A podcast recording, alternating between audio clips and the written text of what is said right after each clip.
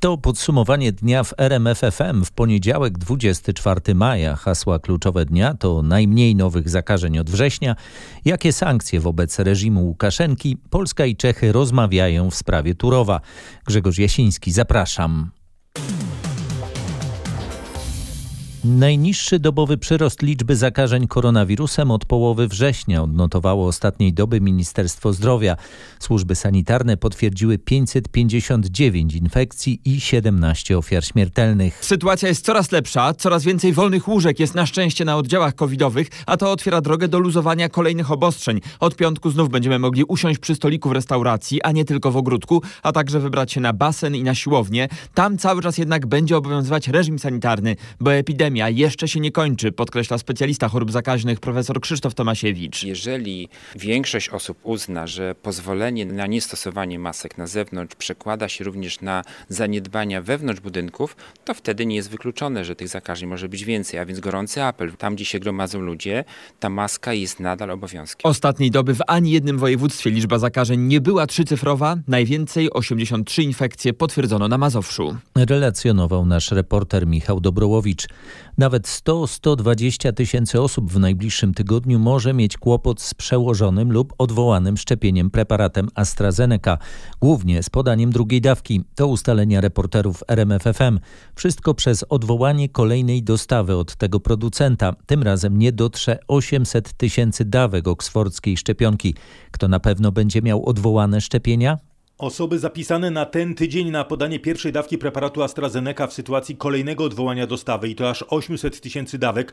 Priorytetem staje się zagwarantowanie dawek dla osób, które mają wyznaczony termin drugiego szczepienia. To aż 100 tysięcy osób w ciągu tygodnia, a w magazynach Agencji Rezerw jest zaledwie 3300 dawek na drugie szczepienie. Konieczne jest więc przenoszenie szczepionek z punktów, gdzie jest zapisanych dużo osób na pierwsze szczepienie, do miejsc, gdzie czeka dużo osób na drugą dawkę. To duże wyzwanie logistyczne, usłyszałem w agencji rezerw. Z tego powodu szczepienia pierwszorazowe AstraZeneca de facto na pewien czas zostają całkowicie wstrzymane. Osoby, które miały w najbliższym czasie umówione podanie AstraZeneca powinny być szczepione innym preparatem, o ile punkty szczepień dostaną więcej dawek, przykład Pfizera i Moderny. Rząd planuje wielką akcję szczepienia dzieci przeciwko koronawirusowi. Od września podawanie szczepionek ma się odbywać w szkolnych gabinetach lekarskich, dowiedzieli się reporterzy RMFFM. Szczepienia mają być dobrowolne. Najpierw jednak Europejska Agencja Leków musi dopuścić preparat Pfizera do stosowania u dzieci od 12 roku życia. Kiedy można spodziewać się decyzji agencji? Najwcześniej w połowie czerwca zostanie więc tydzień, może 10 dni do zakończenia roku szkolnego. Dlatego szczepienia w szkołach przed wakacjami są praktycznie niewykonalne i rząd chce całą akcję przenieść na sam początek roku szkolnego. Wtedy szkoły będą mogły zamawiać szczepionki dla swoich uczniów. Oczywiście, jeśli rodzice wcześniej wyrażą na to bo szczepienie dzieci od 12 roku życia, tak jak teraz tych wieku 16-18 lat, będzie dobrowolne. Tyle, że rodzice unikną całej procedury rejestracyjnej i wizyty z dziećmi w punktach szczepień. Wystarczy deklaracja złożona w szkole. To ma być przygotowanie do pełnego otwarcia szkół we wrześniu i próba uniknięcia czwartej fali pandemii na jesieni. Szczepienia jeszcze młodszych dzieci, tych poniżej 12 roku życia, to bardziej odległa sprawa. Dopiero trwają badania kliniczne. Warszawa, Mariusz Piekarski. Najprawdopodobniej już pojutrze rząd ogłosi kolejne fazy luzowania obostrzeń covidowych, ustalili dziennikarze RMFFM. To ma być plan na czerwiec. Ucieszą się zwłaszcza ci, którzy tęsknią za muzyką. Czego możemy się spodziewać? Po pierwsze, powrotu imprez masowych, takich jak koncerty, chociaż oczywiście z ograniczeniami. Nie spodziewajmy się na razie powrotu wielotysięcznych festiwali muzycznych, ale mniejszych, pojedynczych, letnich koncertów plenerowych jak najbardziej. Poza tym rząd ogłosi w czerwcu łagodzenie limitów, na przykład na weselach i imprezach sportowych. Będzie także powiększenie widowni, która może pojawić się na meczach chociażby piłkarskich. Dodatkowo rząd myśli o otwarciu sal zabaw. Przewiduje Krzysztof Berenda. W Brukseli rozpoczął się nadzwyczajny dwudniowy szczyt. Unijni liderzy będą rozmawiać m.in. o pandemii, polityce klimatycznej, ale pierwszym i najważniejszym punktem dzisiejszego dnia rozmów będą sankcje, które Unia Europejska zamierza nałożyć na reżim białoruski w związku z uprowadzeniem samolotu linii Ryanair i aresztowaniem opozycjonisty Ramana Pratasiewicza. Nasza korespondentka dotarła do projektu wniosków ze szczytu z wezwaniem do nałożenia sankcji na reżim białoruski. Poza słowami potępienia przymusowego lądowania i wezwaniem do natychmiastowego uwolnienia Pratasiewicza i Sofii Sapiegi w tekście znalazły się konkrety dotyczące sankcji. Tekstu, który widziałam, wynika, że przywódcy zwrócą się do Rady Unii o jak najszybsze przyjęcie dodatkowych sankcji indywidualnych wobec białoruskich oficjeli. Chodzi o osoby odpowiedzialne za uprowadzenie samolotu. Zostaną te osoby objęte zakazem wjazdu do krajów Unii, a ich konta w europejskich bankach zostaną zamrożone. Po drugie, szczyt zaapeluje do wszystkich przewoźników mających siedzibę w Unii o unikanie przelotów nad Białorusią. I w końcu przywódcy wezwą Radę Unii do przyjęcia niezbędnych środków, by zakazać przelotów nad przestrzenią powietrzną Unii Europejskiej białoruskim liniom lotniczym. Unijni przywódcy wezwą także Organizację Międzynarodowego Lotnictwa Cywilnego do pilnego zbadania tego bezprecedensowego incydentu. To oczywiście wstępny tekst kompromisowy. Mogą jeszcze zostać wprowadzone drobne zmiany. Informuje Katarzyna Szymańska-Borginą. Premier Mateusz Morawiecki przed wylotem na dzisiejszy szczyt Rady Europejskiej zapowiadał. Zaproponuję, aby wszystkie loty z terytorium Białorusi do e, Unii Europejskiej i w drugą stronę z Unii Europejskiej na terytorium Republiki Białoruskiej zostały wstrzymane. Nie kilkadziesiąt osób jak do tej pory, ale kilka tysięcy Białorusinów powinno być objętych sankcjami wobec białoruskiego reżimu. Tak mówi w RMFFM dyrektor Ośrodka Studiów Wschodnich Adam Eberhard. Ocenia, że Aleksander Łukaszenka nieszczególnie odczuł dotychczasowe reakcje Europy na swoją politykę. Tak naprawdę unijne sankcje wobec Łukaszenki, wobec reżimu mają charakter symboliczny. Ilu osób one na dotyczą? Ile osób objęły sankcje po e, tych sfałszowanych wyborach prezydenckich? Na liście osób, które nie mogą wjechać do Unii Europejskiej, to też powiedzmy nie jest to jakaś taka gigantyczna kara, prawda? To jest raptem chyba 88 osób. Moim 80 zdaniem, kilka osób za sfałszowanie wyborów. Tak, moim, znaczy uważam, że na tej liście powinno być kilka tysięcy osób. Kilka tysięcy milicjantów, sędziów, prokuratorów, osób, które swoimi indywidualnymi decyzjami zwiększają terror na Białorusi. Jeżeli chodzi o firmy białoruskie, to ta lista jest także kilku firm białoruskich, które objęte są e, unijnymi sankcjami. Adam Eberhard i Marcin Zaborski. Zobaczcie więcej na rmf24.pl. Reżim nie ma żadnych granic i będzie robił wszystko, by ludzie bali się spojrzeć w zły sposób w jego stronę, mówił w Warszawie Stjapan Puciła. To były współpracownik Ramana Pratasiewicza i założyciel kanału Niechta, w którym pracował zatrzymany w skandaliczny sposób białoruski dziennikarz. Na konferencji białoruskich aktywistów w Warszawie był nasz reporter Paweł Balinowski, co mówili. Będziemy kontynuować naszą walkę, bo nie mamy innego wyjścia, mówił Stjepan Puciła, który relacjonował m.in. protesty podczas wyborów na Białorusi, a także ujawniał i pokazywał światu brutalność reżimowych siłowników. Za to, podobnie jak Pratasiewicz, ma w swoim kraju status terrorysty. Dostałem już setki, więcej niż tysiąc pogróżek od reżimu i innych e, osób, że ja będę kolejną osobą. Świat musi wreszcie zareagować czymś więcej niż tylko słowami, dodawał szef Białoruskiego Domu w Warszawie. To, co nazywają sankcjami, to nie są sankcje. Łukaszenka ma się bardzo, bardzo dobrze. Przekonywał dziś Alej Zarębiuk o potencjalnych sankcjach, na przykład zakazie lotów nad Białorusią. Rozmawiać będzie dzisiaj Rada Europejska. Jest śledztwo w sprawie porwania przez władze Białorusi zarejestrowanego w Polsce samolotu i pozbawienia wolności jego pasażerów. Jakie zarzuty wchodzą w grę? Wstępnie mowa o użyciu podstępu do przejęcia kontroli nad statkiem powietrznym i bezprawnym pozbawieniu pasażerów wolności. Takie zarzuty wprost nawiązują do przekazania załodze najpierw fałszywej informacji o bombie na pokładzie, a potem skierowaniu na jej trasę myśliwca, który miał wymusić zejście z kursu i lądowanie w Mińsku, a także porwanie białoruskiego dysydenta Ramana Pratasiewicza. Jak wyjaśnia dr Wojciech Górowski z Katedry Prawa Karnego Uniwersytetu Jagiellońskiego, śledztwo musiało być wszczęte ze względu na to, że uprowadzony samolot zarejestrowany jest w Polsce, gdzie obowiązuje zasada terytorialności. Bez względu na to, w jakiej przestrzeni powietrznej jest samolot, gdzie on ląduje, można stosować polski kodeks karny do oceny prawnej tego, co się tam stało. Porwanie samolotu według polskiego prawa grozi od 2 do 12 lat więzienia. Informuje Tomasz Skory. Będą pakiety osłonowe dla tych polskich firm, które ucierpią z powodu nasilenia konfliktu między Unią Europejską a Białorusią, ustalili dziennikarze RMFFM. Białoruś zapewne wprowadzi sankcje odwetowe, ucierpią przedsiębiorcy. Jak zwykle Białorusini bardzo lubią uderzać przede wszystkim w polskich rolników, utrudniając im i tak niełatwy już eksport na wschód. Jak ustaliliśmy, takie poszkodowane polskie firmy mają zostać jednak objęte pomocą, między innymi z rekompensowaniem strat za utracone przychody. Pytaliśmy o to odpowiadając odpowiadającego za szykowanie tej pomocy Jarosława Gowina. On potwierdza, chociaż jak zwykle konkretów unika. Otoczymy te firmy, które poniosą straty jakąś formą w pomocy. Te słowa są też kolejnym potwierdzeniem faktu, że Polska będzie domagać się silnych gospodarczych konsekwencji wobec Mińska. Donosi Krzysztof Berenda. Przedstawiliśmy nowe okoliczności i w oparciu o nie prowadzimy teraz rozmowy oraz negocjacje w sprawie kopalni i elektrowni w Turowie, mówił w Brukseli premier Mateusz Morawiecki. Tuż przed rozpoczęciem unijnego szczytu spotkał się w cztery oczy z premierem Czech Andrejem Babiszem.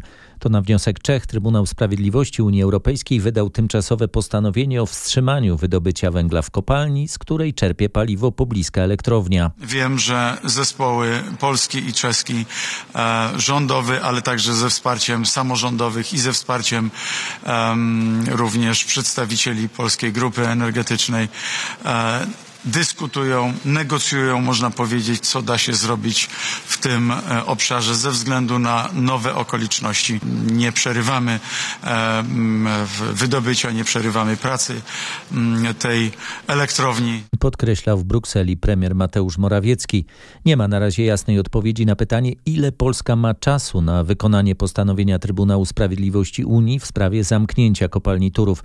To zależy od Komisji Europejskiej. W sprawie Białowieży była bardzo duża determinacja po stronie Komisji, żeby szybko wnioskować o kary. Przypomniał brukselski rozmówca naszej dziennikarki. Czy tym razem może być podobnie? Trudno powiedzieć, bo o tym będzie decydować na bieżąco Komisja Europejska, sprawdzając realizację postanowienia. Ustalenie terminu to kompetencja Komisji. Może to być na przykład miesiąc, bo Bruksela zdaje sobie sprawę, że wstrzymanie wydobycia to nie jest kwestia kilku dni. Moi rozmówcy w Komisji przypominają, że w zeszłym roku Komisja Europejska długo próbowała mediować między Polską a Czechami w sprawie Turowa. Był długi dialog, ale zakończył się niczym, usłyszałam od mojego rozmówcy w Komisji. Jeżeli Polska nie wykona postanowienia, CUE, to możemy podjąć odpowiednie działania, powiedział. Komisja Europejska przywołuje tutaj przypadek Białowieży. Wtedy Bruksela wystąpiła o nałożenie na Polskę minimum 100 tysięcy euro dziennych kar. Jak usłyszałam, w przypadku Turowa może to być o wiele więcej, bo chodzi o zdrowie ludzkie. W kwestii Białowieży pod wpływem groźby kar polskie władze ustąpiły. Moi rozmówcy w Brukseli przyznają, że wciąż najlepszym rozwiązaniem byłoby porozumienie Polski z Czechami. Informuje nasza korespondentka w Brukseli Brukseli Katarzyna Szymańska-Borginą.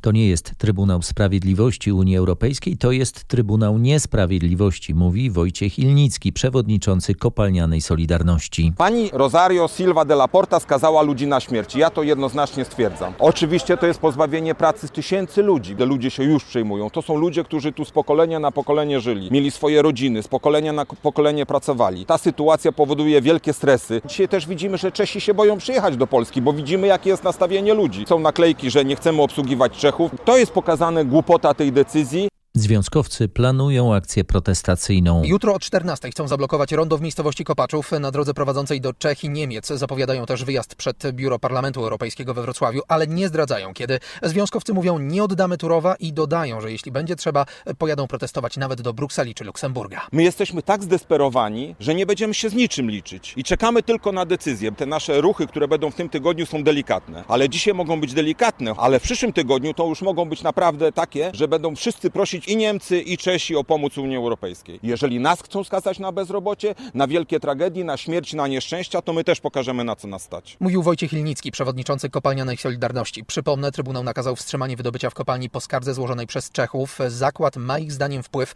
na zmniejszenie poziomu wód gruntowych przy granicy. Informuje z Bogatyni nasz reporter Paweł Pyclik. I jeszcze jedna informacja energetyczna. Do końca maja będzie wyłączony największy blok energetyczny elektrowni Bełchatów. Po sobotnim pożarze taśmociągu podającego węgiel blok jest bez dostaw surowca. Najnowsze informacje w tej sprawie ma dziennikarka RMFFM Agnieszka Wyderka. Remont taśmociągu, który spłonął w sobotę, a który dostarczał węgiel do bloku energetycznego o mocy 858 MW, ma potrwać do końca miesiąca. Wszystkie służby elektrowni Bełchatów pracują bez przerw. Chodzi o to, żeby jak najszybciej odtworzyć taśmociąg i budynek zasobnika na węgiel, mówi Iwona Paziak z Biura Komunikacji PGE, Górnictwo i Energetyka Konwencjonalna. Aktualnie trwają jeszcze prace porządkowe na miejscu zdarzenia. Dziś wykonana zostanie ekspertyza budowlana, na podstawie której określony zostanie szczegółowy zakres i termin prac do wykonania. W dalszym ciągu pracuje komisja, która ustala przyczyny pożaru. Obecnie w elektrowni Bełchatów produkuje prąd 9 z 11 bloków energetycznych i dysponują one mocą około 3400 MW. Informuje Agnieszka Wyderka. Polska i Turcja jako członkowie NATO mają wspólne cele. Głównym jest bezpieczeństwo naszych krajów i innych sojuszników, powiedział w trakcie oficjalnej wizyty w Ankarze prezydent Andrzej Duda. Po spotkaniu z prezydentem Turcji Recepem Erdoanem prezydent Duda poinformował o nowych inicjatywach dotyczących współpracy z Ankarą. Sojusz Północnoatlantycki jest sojuszem obronnym i w związku z tym cała nasza współpraca ma taki charakter. To jest wzmacnianie bezpieczeństwa, to jest wzmacnianie obronności zarówno naszych krajów, jak i całego Sojuszu Północnoatlantyckiego. My z panem prezydentem rozmawialiśmy dzisiaj także o propozycji podniesienia trilogu polsko-turecko-rumuńskiego na poziom prezydencki. Pan prezydent wyraził zainteresowanie tym, aby rzeczywiście ta współpraca między nami jako prezydentami trzech krajów tutaj była zawarta w tej formule. Ja rozmawiałem na ten temat dosłownie kilkanaście dni temu z panem prezydentem Klausem Johannisem w Rumunii. Sądzę, że w najbliższym czasie możecie państwo się spodziewać tego, że będziemy właśnie także w tej formule trójstronnej rozmawiali. Oczywiście również na temat kwestii bezpieczeństwa. Polska jest dla nas strategicznym partnerem, oświadczył prezydent Turcji. Wyraził przekonanie, że nadal będzie się rozwijała współpraca dwustronna, innymi gospodarcza i w dziedzinie obronności. Mamy nadzieję, że właściwy egzamin pójdzie lepiej niż próbny, mówi Marek Wąsik, dyrektor szkoły podstawowej nr 34 w Olsztynie. Jutro uczniowie klas ósmych przystąpią do egzaminu, który podobnie jak matury będzie odbywał się w reżimie sanitarnym. Będą więc osobne wejścia, będzie dezynfekcja, będzie praca nauczycieli w rękawiczkach. Wszystkie te działania są przygotowane pod kątem bezpieczeństwa dzieci. Oczywiście bardzo interesujemy się losem tego egzaminu, ponieważ próbny egzamin niestety nie wyszedł zbyt dobrze. Mamy nadzieję, że po tym czasie ten egzamin właściwy będzie już przygotowany perfekcyjnie i że dzieci napiszą go znakomicie. Tego życzę dzieciom przede wszystkim, ale również i nam, nauczycielom. Deklaruje dyrektor szkoły podstawowej nr 34 w Olsztynie Marek Wąsik. Letnie egzaminy w tym roku większość studentów będzie zdawać zdalnie. Jak dowiedział się reporter RMFFM, największe polskie uczelnie jednak nie zdecydowały się na wprowadzenie egzaminów stacjonarnych w letniej sesji tego roku akademickiego. Na Uniwersytecie Warszawskim zdecydowana większość egzaminów decyzją rektora odbędzie się zdalnie. Część z nich, na przykład z języków, może odbywać się stacjonarnie, ale studenci muszą zostać powiadomieni na dwa tygodnie przed terminem. Na Uniwersytecie Jagiellońskim decyzje podejmują szefowie wydziałów. Na przykład na prawie większość egzaminów będzie zdalnych. Podobnie będzie na Uniwersytecie Wrocławskim i Łódzkim. Na terenie uczelni będą musieli pojawić się studenci, którzy uczą się na kierunkach eksperymentalnych i mieli stacjonarne zajęcia laboratoryjne. Bardziej skomplikowana jest sytuacja w przypadku obrony prac dyplomowych, licencjackich i magisterskich. Tu decyzje podejmują dziekani i sami studenci. Wielu z nich zostało w swoich rodzinnych miejscowościach i przyjazd na egzaminy wiązałby się z dodatkowymi kosztami informował Grzegorz Kwolek. Zarzut zabójstwa usłyszał 41-letni mieszkaniec Sosnowca. W sobotę mężczyzna uprowadził z katowickiej dzielnicy Dąbrówka 11-letniego chłopca. W niedzielę policja znalazła ciało dziecka. W ujęciu sprawcy policjantom pomogły nagrania z kamer monitoringu. Dlaczego zwróciliście uwagę na ten samochód akurat? To było niepokojące, że samochód, który mm, przemieszcza się w pobliżu miejsca e, tego, tego placu zabaw i miejsca pobytu Sebastiana. Zresztą widzieliśmy na kamerach, że wtedy Sebastian tam jeszcze był. No i za chwilę samochód zawraca i gwałtownie przyspiesza. W momencie, kiedy, bo każdy wątek sprawdzaliśmy, kiedy sprawdziliśmy sobie tablice rejestracyjne, potwierdziliśmy właściciela i mm, ustaliliśmy, że e, przeszłość związana z ewentualną pedofilią rzeczywiście w jego um, historii y, jest, no wtedy to, to był taki bodziec do działania, gdzie bardzo szybko już te czynności przebiegały. Powiedziała naszemu reporterowi Aleksandra Nowara, rzecznik śląskiej policji. Zszokowani i poruszeni są mieszkańcy katowickiej dzielnicy Dąbrówka. To tam mieszkał zamordowany jedenastolatek. To jest szokujące, no, no naprawdę, no, tym bardziej, że to tu w pobliżu się stało. On mieszkał tu, na tej ulicy. Na tej ulicy, tak. Kilka domów dalej, tam na zakręcie gdzieś. Spokojne dziecko jeździł tu na hulajnodze. No i taka tragedia się stała, no. nic więcej. Trudno o tym mówić. Trudno, każdy tu jest w szoku, wszyscy go szukali tutaj. Jak ja wychowywałam dziecko i było w tym wieku, to też pozwalałam mu na taką samodzielność. Też sam chodził do szkoły. Teraz się dziwiłam tym matkom, że tak odprowadzają, że tak dbają, ale teraz już się nie dziwię. Z mieszkańcami katowickiej Dąbrówki rozmawiał nasz reporter Marcin Buczek. Skazany za korupcję były senator Platformy Obywatelskiej i działacz Solidarności Józef Pinior nie trafi do więzienia. Jak to możliwe? Sąd Okręgowy we Wrocławiu zgodził się na dozór elektroniczny. Przypomnę, Józef Pinior został skazany na półtora roku pozbawienia wolności. Od tego wyroku się odwoływał, chcąc uniewinnienia, ale sąd apelacyjny podtrzymał decyzję pierwszej instancji. Podkreślono, że wnikliwa analiza wszystkich wątków sprawy nie budzi żadnych wątpliwości. To nie były pożyczki, a korupcja. Byłego senatora i jego asystenta skazano za przyjmowanie łapówek od przedsiębiorców w zamian za pomoc w załatwianiu ich spraw. Chodzi o ponad 40 tysięcy złotych. Relacjonował nasz reporter Paweł Pyclik. Kraków chce zbudować nowoczesne centrum recyklingu odpadów komunalnych. Miałoby to zwiększyć poziom odzyskiwania surowców wtórnych. O szczegółach Marek Wiosło. Nowa instalacja miałaby powstać na terenach poprzemysłowych przy ulicy Igołomskiej. Wydano już pierwsze decyzje środowiskowe konieczne do budowy. Poziom recyklingu powinien wynosić 50%, a odzyskiwanie surowców będzie z roku na rok coraz bardziej potrzebne, mówi Piotr Odorczuk z krakowskiego MPO. Wiemy, że w ciągu najbliższych 10 czy 15 lat te wymagania będą cały czas rosły. Chcielibyśmy, żeby powstała tam instalacja sortowania folii z możliwością przerabiania jej na granule który e, jest używany do ponownej produkcji folii, czyli zastępowalibyśmy taki e, surowiec pierwotny. Nie trzeba było używać nowego plastiku do zrobienia czegoś, co jest plastikowe. Powstać miałaby także sortownia odpadów zmieszanych i selektywnie zbieranych. Szacowany koszt budowy to około 300 milionów złotych. O czym informował Marek Wiosło. Misja Euro, czas start. Piłkarska reprezentacja Polski rozpoczęła dziś w Opalenicy zgrupowanie przed Mistrzostwami Europy. Za nami przywitanie kadrowiczów, pierwszy trening i spotkanie z Robertem Lewandowskim, zawodnikiem, który w weekend pobił rekord Gerda Millera, czyli zdobył 41 gola w jednym sezonie Bundesligi. Choć stało się to w sobotę, to jeszcze dziś kapitan reprezentacji dzielił się emocjami z meczu, w którym o zdobycie gola walczył do 90 minuty. Sam wolałbym wcześniej strzelić tą bramkę, ale no czasami takich legendarnych chyba rekordów nie można tak łatwo pobić i gdzieś cierpliwość i chyba ta końcowa wiara w ten rekord powodowała, że ten rekord został pobity i, i no i euforia na pewno była duża. Kapitan nie tylko pobił legendarny rekord, ale zdobył też nagrodę Złotego Buta dla najlepszego strzelca lig w całej Europie. Nie myślałem, że jest to możliwe do wykonania, szczególnie mając 34 spotkania. Ja rozegrałem 29 spotkań, bo jeszcze oczywiście kontuzja w międzyczasie, którą, którą miałem. Mówił Lewandowski. Jutro drugi dzień zgrupowania i właśnie jutro piłkarze zostaną zaszczepieni przeciwko koronawirusowi. Gliwice będą bazą koszykarskiej reprezentacji Polski podczas przygotowań do turnieju kwalifikacyjnego do letnich Igrzysk Olimpijskich.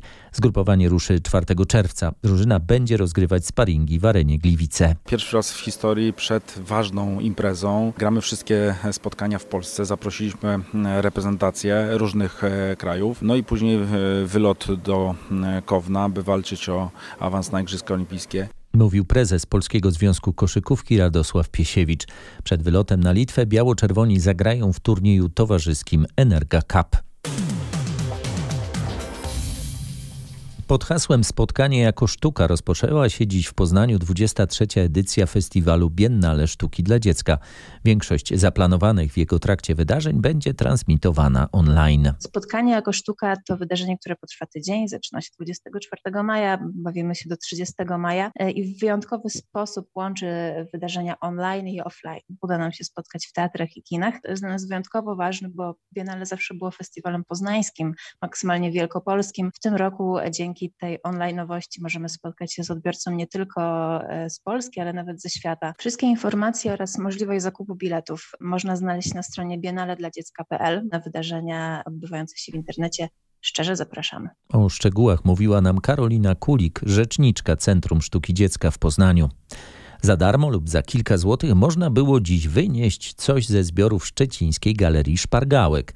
Trafiają tu przedmioty wyrzucone przez poprzednich właścicieli, ale nadal sprawne. Dochód z ich sprzedaży przekazywany jest na konto organizacji charytatywnych. Tym razem Szpargałek urządził wyprzedaż. Prawdziwa wyprzedaż garażowa postanowiliśmy pozbyć się części rzeczy, które z jednej strony nam zalegały, z drugiej strony są duże gabarytowo i zajmują nam zbyt wiele miejsca, dlatego oddajemy je już właściwie za bezcen, czyli maksymalnie 5 zł. I czego pani poszukuje? Właściwie to y, niczego, o. Spontan. Tak, to się z- okaże, czy coś będzie ciekawego. Ja wypatrzyłem głośniki, nie dla siebie, ale dla kolegi. Można wziąć, sprawdzić, kupić, no a jak nie będzie działać to trudno. No za 5 zł to jak darmo. Usłyszała od klientów Szpargałka i Andrzeja Kusa, rzecznika miasta do spraw komunalnych, nasza reporterka Aneta Łuczkowska. Dzisiaj obchodzony jest na świecie Międzynarodowy Dzień Ślimaka. Święto to ma jednak posmak goryczy dla wielu hodowców tych mięczaków w naszym kraju, bo z powodu pandemii koronawirusa drastycznie spadł ich eksport do Francji. Kolejne lockdowny we Francji, w ramach których zamykano wszystkie restauracje, były ciężkim ciosem dla wielu hodowców ślimaków. Polska stała się bowiem ich głównym eksporterem w Unii Europejskiej. Na razie otwarto we Francji ogródki restauracji, ale w przyszłym miesiącu będzie można już obsługiwać klientów również wewnątrz lokali gastronomicznych, a więc wszystko powinno wrócić do normy. Polskie ślimaki są wyśmienite. Czekam na otwarcie restauracji, by znowu ich skosztować. Być może zresztą przez całe życie jadłam tylko polskie ślimaki, w ogóle o tym nie wiedząc, bo w jadłospisach zawsze nazywane są one ślimakami po burgundzku, tłumaczy mi młoda paryżanka. Relacjonował z Paryża nasz korespondent Marek Gładysz. Zuchwała kradzież na zamku Arundel w południowej Anglii. Skradziono przedmioty o łącznej wartości miliona funtów, ale ich wartość historyczna jest trudna do zmierzenia. Łupem złodziei padł różaniec, który podczas egzekucji w 1587 roku miała przy sobie Maria, królowa Szkocji. Została ona stracona za udział w spisku przeciwko angielskiej królowej Elżbiecie I. Skradziono także złote i srebrne koronacyjne puchary, które były częścią kolekcji przechowywanej na zamku Arundel. Od 850 lat jest on siedzibą książąt Norfolku. Wprawdzie system alarmowy został uruchomiony, ale strażnikom nie udało się zatrzymać sprawców. W pobliskim miasteczku policja zlokalizowała spalony samochód, który mógł zostać użyty podczas ucieczki. Informuje nasz londyński korespondent Bogdan Frymorgan. Tyle na dziś. Kolejne podsumowanie dnia w RMFFM już jutro wieczorem. Grzegorz Jasiński, dziękuję. Dobrej nocy.